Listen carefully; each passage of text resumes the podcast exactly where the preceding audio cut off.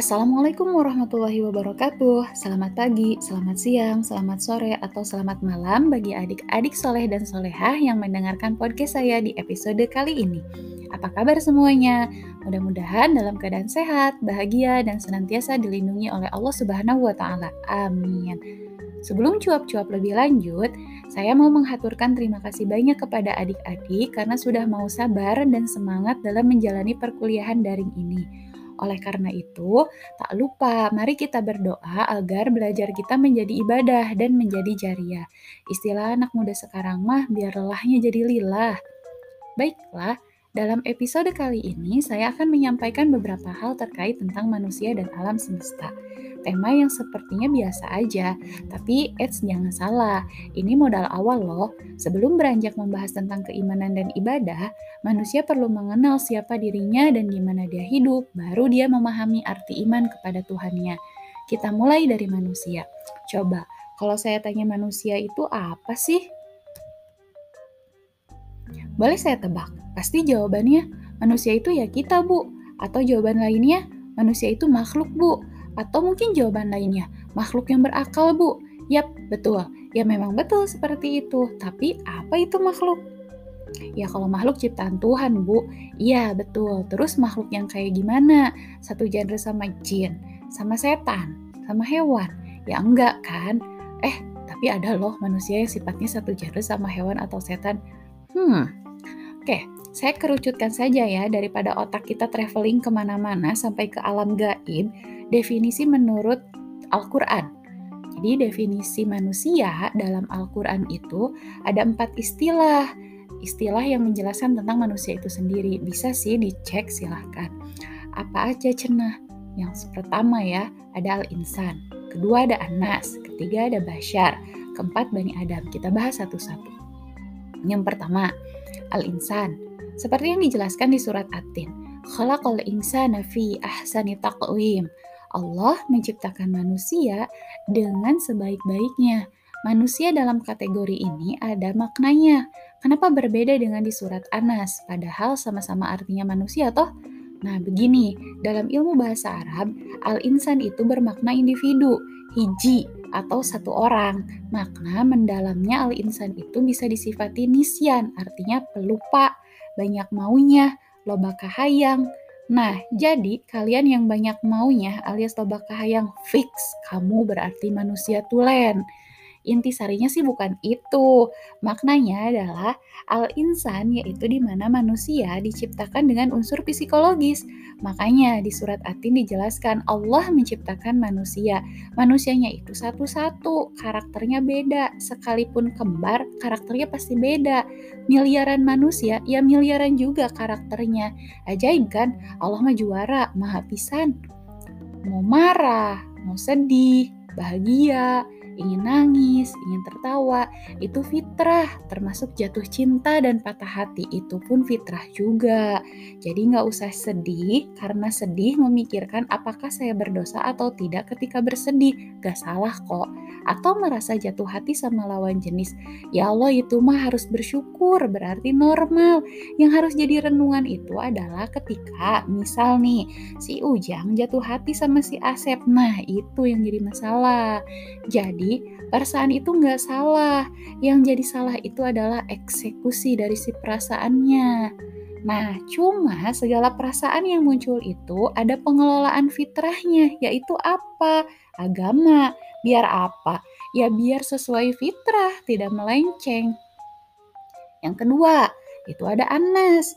Nah, berbeda makna dengan al-insan, kalau anas itu dalam bahasa Arab berarti bentuk jama alias banyak. Jadi, kalau tadi kan satu orang, hiji. Nah, kalau ini banyak, lebih dari dua, banyak. Dengan kata lain, anas itu maknanya manusia dengan jumlah yang banyak. Makanya di surat An-Nas, Qul a'udzu nas, artinya yaitu Tuhan bagi manusia. Maksudnya yaitu manusia ya semua manusia. Jadi Allah itu adalah Tuhan semua manusia. Dengan kata lain, Anas berarti manusia yang secara fitrahnya diciptakan dengan fitrah makhluk sosial. Nah, ini membungkam orang-orang yang sombong, pelit dan gak peka lingkungan. Emang sih itu nanti mati nggak diurusin orang lain apa? Hidup gak bareng orang lain gitu? Kan enggak. Makanya kita harus berakhlak yang baik, ada hablum minanas. Karena kenapa? Kita hidup bersama orang lain, berdampingan dengan orang lain itu secara fitrah. Yang ketiga itu ada basyar. Basyar bermakna manusia dengan fitrah berjiwa raga. Dengan kata lain, manusia diciptakan dengan fitrahnya dari sisi biologis. Nah, tadi kan udah psikologis, terus jadi makhluk sosial. Sekarang manusia diciptakan dengan sisi biologis. Semua manusia mengalami fase penciptaan yang sama, seperti yang dijelasin misal di Quran Surat Al-Mu'minun. Manusia tercipta dari status air mani. Catat, air mani. Hina banget kan? Ih, geleh. Tapi rahman Allah, Allah menciptakan manusia fi ahsani takwim. Yang tadinya hina, udah gedenya jadi sombong nauzubillah. Gak ada orang yang dandan, ngaca, udah cakep, udah cantik, ganteng, terus tiba-tiba depan kaca dia auto insecure. Ih cici ya, aku dari air mani. Gak ada, gak ada orang yang kayak gitu, gak ada. Atau misalkan ada orang yang bilang, aku suka deh sama kamu. Tapi aku nggak suka sama kamu, udah kamu mah dari air mani. Nggak ada juga, Wak. Nah, kemudian ini mematahkan orang-orang yang sombong. Nah, kalau ketemu sama orang sombong, tolong diingetin aja, woi, situ sama juga ada air mani, nggak usah belagu. Hmm. Nah, secara biologis, manusia juga diciptakan dari air mani laki-laki di rahim perempuan. Kecuali tiga manusia sih, yaitu Nabi Adam, Siti Hawa, dan Nabi Isa. Wah, berarti mereka bukan manusia. Ya, atuh pakai logikanya. Nabi Adam kalau harus dari air mani diciptain ya, mau air mani siapa? Kan manusianya juga baru diciptakan. Lalu kenapa dari tanah? Kan unsur bumi apa? Tanah kan? Nabi Adam kan khalifah di muka bumi. Jadi ya wajar kalau misalkan penciptaannya dari unsur bumi, yaitu tanah. Nah, Siti Hawa nggak dari air mani? Ya apanan mau ditaruh di rahim siapa? Air maninya ada di Nabi Adam, mau ditaruh di siapa? Nah, lalu kenapa diciptakan dari tulang rusuk? Tulang rusuk itu penyangga, penyangga badan. Jadi perempuan itu penyangga bagi laki-laki. Nah, kenapa tulang rusuk itu di tengah? Kenapa nggak diambil aja dari otak kek, atau dari tulang kaki kek, atau misalkan dari tulang apa kek? Kenapa mesti dari rusuk? Karena perempuan dan laki-laki itu bukan untuk saling mendahului, tapi saling menjaga. Kalau misalkan laki-laki ya menjaga perempuan, perempuan pun menjaga laki-laki. Jadi satu kesatuan, satu tubuh kan. Jadi nggak ada istilah saling menyakiti, tapi harus saling menjaga. Itu yang dijelasin oleh Nabi Adam dan Siti Hawa. Aduh baper. Nah terus, lalu Nabi Isa gimana? Nah, ini beda cerita nih. Nabi Isa itu salah satunya mukjizatnya yaitu dia nggak punya ayah. Berarti beliau bukan manusia. Kela, tar dulu. Nabi Isa lahir dari rahim siapa? Siti Maryam. Maryam siapa? Manusia. Sekarang ada nggak kucing lahiran terus anaknya disebut anak jin? Nggak ada kan? Ya yang namanya kucing lahiran anaknya disebut anak kucing, nggak jadi anak tikus. Kalau misalkan ada tikus lahiran, yang disebutnya anak tikus, bukannya dia anak kucing. Ya lahir dari rahim manusia ya jadi anak manusia atau masa jadi jadi anak-anak orang lain? Bukan enggak. Ah, suka memaksa. Oke, okay, next. Nah, semuanya proses itu tadi dimulai dari air mani dari dan pembuahan di rahim. Catat ya, laki-laki dan perempuan. Jadi ya dari air mani laki-laki, kemudian pembuahannya ada di rahim perempuan. Nah, ini makanya saya bingung juga yang LGBT katanya atas dasar fitrah kemanusiaan. Manusia mana yang ada yang ya manusia fitrah kemanusiaan, kemudian laki-laki dan laki-laki, perempuan dan laki-laki. Yang ada juga jadinya cacat kemanusiaan dong. Ya kan? Jadi cacat fitrah. Ah, suka jadi gagal paham saya. Udah ah, next. Nah, manusia juga diciptakan dengan jiwa raga dan fungsi tubuh yang sama, baik mukmin atau kafir. Gak ada nih yang kalau misalkan mukmin fungsi matanya itu untuk mendengar atau fungsi telinganya untuk melihat. Gak ada. Biologis manusia semua sama. Allah itu adil. Nah, kemudian yang terakhir ada Bani Adam. Bani Adam artinya Bani itu adalah anak. Adam ya Nabi Adam berarti manusia itu adalah anak turunan Nabi Adam. Udah simple. Poinnya itu. Ini memangkas pernyataan bahwa manusia turunan ini dan itulah gitu. Pokoknya mah ya manusia turunan Nabi Adam.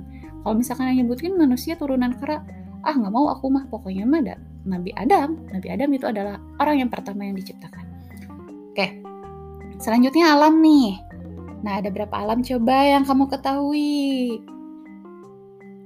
Yap, betul.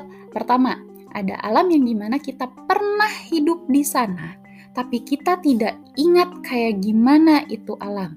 Kita pernah hidup di sana, tapi kita nggak akan ingat bahwa kita udah pernah durhaka dari sebelum lahir ke ibu kita karena nendang-nendang perut ibu. Ya betul, alam rahim Gak ada yang ingat dan gak ada yang terkenai hukum dunia kalau misalkan masih di alam rahim. Makanya dede bayi yang meninggal dalam kandungan itu tidak diwajibkan untuk disolatkan. Tapi ketika dede bayi pas hari idul fitri sebelum khutbah sholat id, dia lahir maka wajib dikeluarkan zakatnya. Nah, Makanya yang kedua ada alam dunia. Nah ini alam yang menjadikan kita terikat oleh hukum. Maksudnya ya hukum agama dan hukum yang dinamakan dengan hukum akil baliknya. Atau misalkan hukum manusia dari manusia yang meninggal, kemudian manusia lahir, semua ada aturannya. Kemudian alam barzah atau disebut alam kubur. Nah, ini yang lucu. Tidak sedikit orang yang meminta bagaimana alam barzah itu tolong dijelaskan, tolong digambarkan seperti apa seperti apa Munkar Nakir bertanya? Bagaimana suasana alam barzah? Hei lu jangan sombong, lu aja yang pernah hidup di rahim kagak tahu dan ingat ini pengen tahu sesuatu yang belum pernah kita kunjungi, yang udah kita teng ya udah kita tinggali aja kita itu nggak ingat. Ini gimana mau kita mengingat? Mau menggambarkan sesuatu yang belum kita kunjungi. Udah sih, tinggal bekali aja diri kita biar nanti di sana aman dan nyaman. Aduh, manusia, manusia. Nah, terakhir ada akhirat. Nah, ini setelah kiamat dan setelah yaumul bahas, yaitu adalah hari di mana semua manusia dibangkitkan di padang mahsyar untuk dihisab. Serem ya. Oke.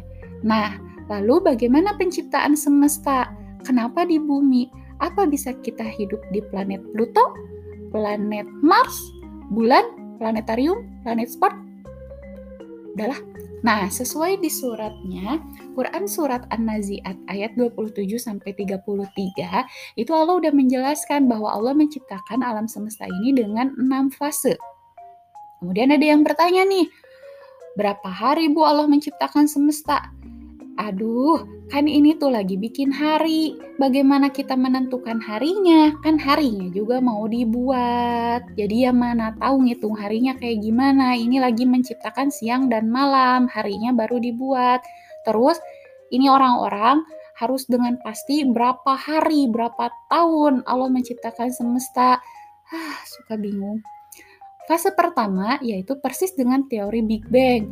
Menarik sih tentang teorinya ini yaitu dari pribadi foundernya. Tahu kan siapa? Udah pernah nonton filmnya nggak? Rame tuh, tonton deh. Stephen Hawking. Tuh.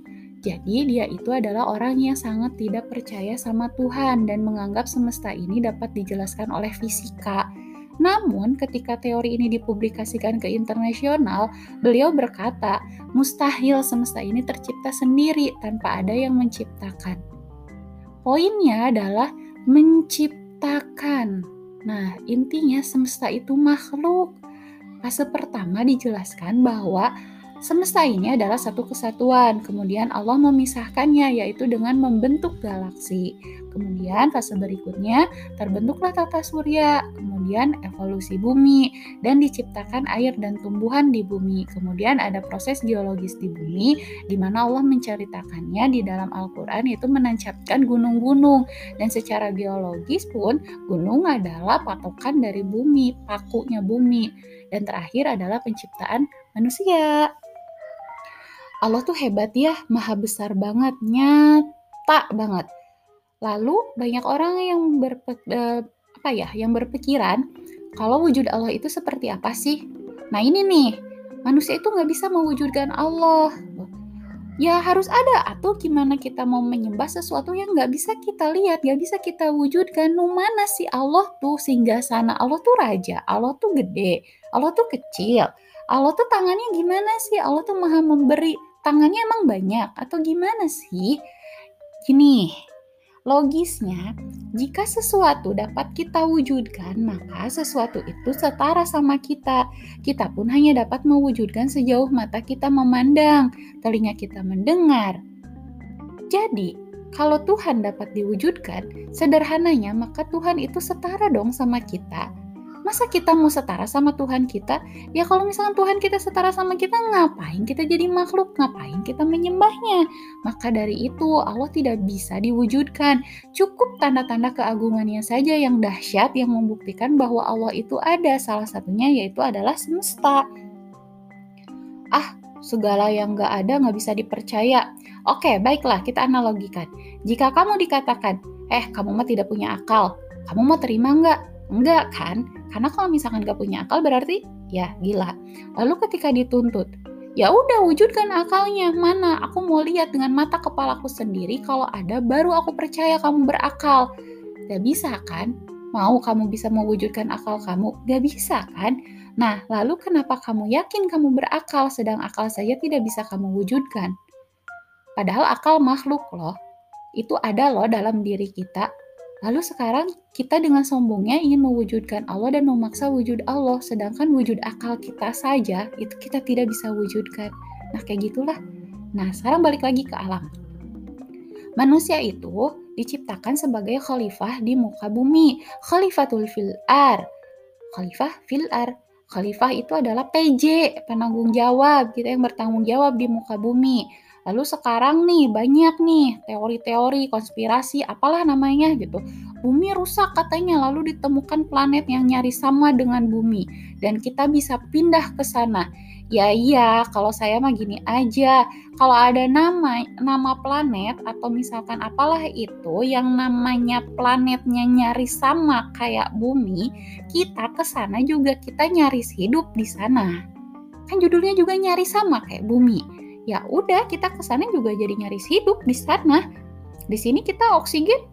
Nggak ada yang keluar rumah kita harus pakai tabung oksigen kecuali makanya yang sakit. Yang sakit aja itu susah kan? Dan tidak semua orang juga menggunakan tabung oksigen. Kita keluar. Aduh udah berapa oksigen yang kita hirup kita bayar? Enggak kan? Gratis kok ada hujan, ada panas, ya kita santuy-santuy aja. Nah, kalau misalkan ada planet yang nyari sama dengan bumi lalu kita memaksakan pindah ke sana karena bumi sudah rusak, maka kita ke sana nyaris hidup. Yang ada, kita itu bertanggung jawab di bumi. Ya sok intinya kelola bumi dengan baik, kelola fitrah kita dengan baik, kelola tempat tinggal kita dengan bertanggung jawab dan memeliharanya sesuai fitrah sesuai fitrah kita sebagai manusia dan keimanan kita dan kita yakini bahwa kita itu adalah makhluk kecil banget biar nggak sombong. Oke lah, hmm, baiklah adik-adik, saya sudah panjang lebar berkata di episode kali ini. Alih-alih belajar tentang alam, yang ada kalian yang mendengarkan traveling di alam mimpi. Aduh, saya nggak mau itu.